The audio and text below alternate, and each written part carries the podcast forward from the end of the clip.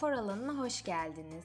Hayatını konfor alanından çıkmadan yaşamaya çalışanlar olarak sayıca bir hayli fazlayız.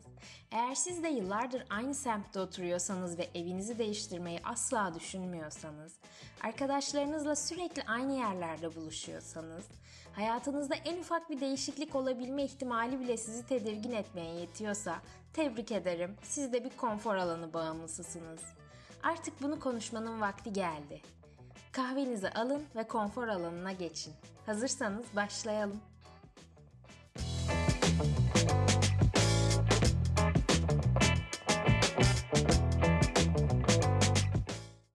Saat sabahın 6'sı ve saat 2'den beri acaba ilk kaydı yapsam mı yapmasam mı sürüncemesindeyim. Sonunda yapmaya karar verdim. Ama keşke birkaç saat önce uyumaya karar verseydim daha iyi olabilirdi. Neyse Bundan önce bir iki kayıt daha aldım. Orada birazcık e, konfor alanının sözlüksel anlamına falan girdim.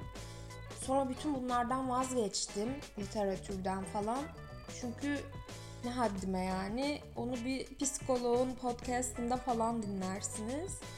Ben bunu nasıl keşfettim sizle biraz onu konuşmak istiyorum. E, bundan 4 yıl önce ilk keşfetmeye başladım. Ben o zamanlar Bomonti'de oturuyordum. E, Bomonti'de de kahveciler daha çok fazla yaygın değildi o dönem.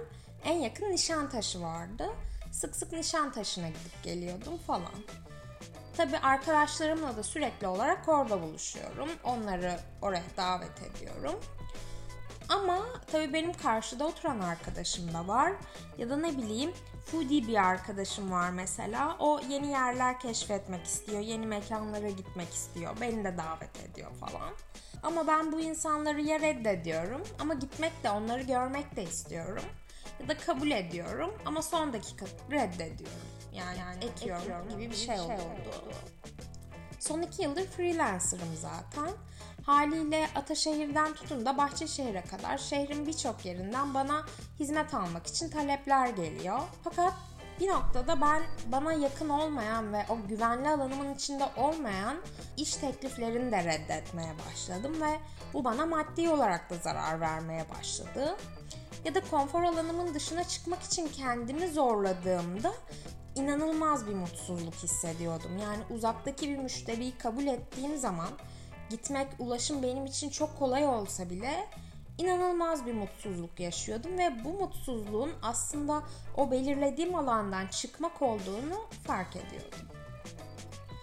Daha sonra kendimi sorgulamaya başladım. Ne oldu da sen bu alana bu kadar bağımlı oldun diye. Neyse ki fil hafızalıyım. Fil hafızalı olduğum için geçmişe dönerek e, hepsini takır takır ortaya döktüm. Hayatımda ilk kez bu fil hafızam iyi bir işe yaradı diyebilirim.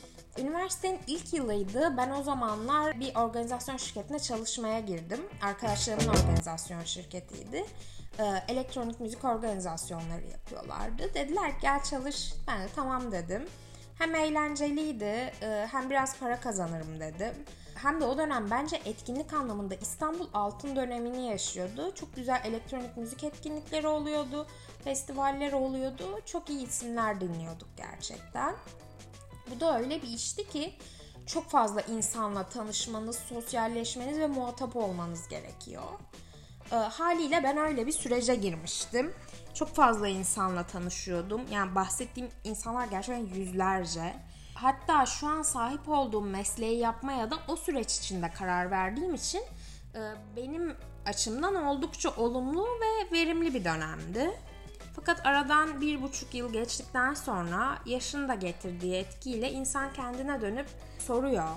Bu harcadığım efor bana kattığı şeylere değiyor mu diye. Ve ben kendime sorduğum zaman değmiyor cevabını aldım. Bu cevabı aldığınızda da birazcık artık kendinizi geri çekiyorsunuz ve ben üstlendiğim rolden geri çekildim Hmm, kendimi birazcık inzivaya çekmeye karar verdim. Bu inziva sürecinde kendime tabii yeni uğraşlar, yeni hobiler, yeni işler bulmaya başladım. Ve kendimi keşfetmeye başladım. Neleri sevdiğimi, nelerden hoşlandığımı, kendime vakit ayırırken neler öğrenebileceğimi. Ve sanırım bu süreci o kadar sevdim ki Sonunda bunu bir istek olmaktan çıkarıp bir zorunluluk haline getirdim ve kendimi hapsettim. Tabii şimdi ben işin literatür kısmını birazcık es geçtiğim için açıklamak durumunda hissediyorum. Konfor alanı dediğimiz şey mekansal ya da fiziksel bir alan olmak durumunda değil. Konfor alanınız spor yapmak olabilir. E, spor yaparak kendinizi rahat hissediyorsunuzdur, güvende hissediyorsunuzdur ve bu tamamen mekandan bağımsızdır. Konfor alanınız gece olabilir. Geceleri kendinizi rahat hissediyorsunuzdur. Konfor alanınız evinizin bir odası olabilir. Evinizin tamamı olabilir. Ya da konfor alanınız kış mevsimi olabilir. Keza insanların yazcı ve kışçı olarak bu kadar keskin bir şekilde ayrılmasına başka neden bulamıyorum yani. Kısacası konfor alanınızın mekansal olması gerekmiyor ama benimki biraz mekansaldı yani yaşadığım semt ve evim olarak adlandırıyordum ben konfor alanımı. Oraların dışına çıkmak çok istemiyordum. Sonunda kendimi bu konfor alanının ıı, içine gömdüğüm bir sürece girdik. Tabii bu sürece girince de kendimi daha çok sorgulamaya başladım. Konfor alanının dışında ne var? Hangi durumlarda konfor alanımın dışına çıkıyorum?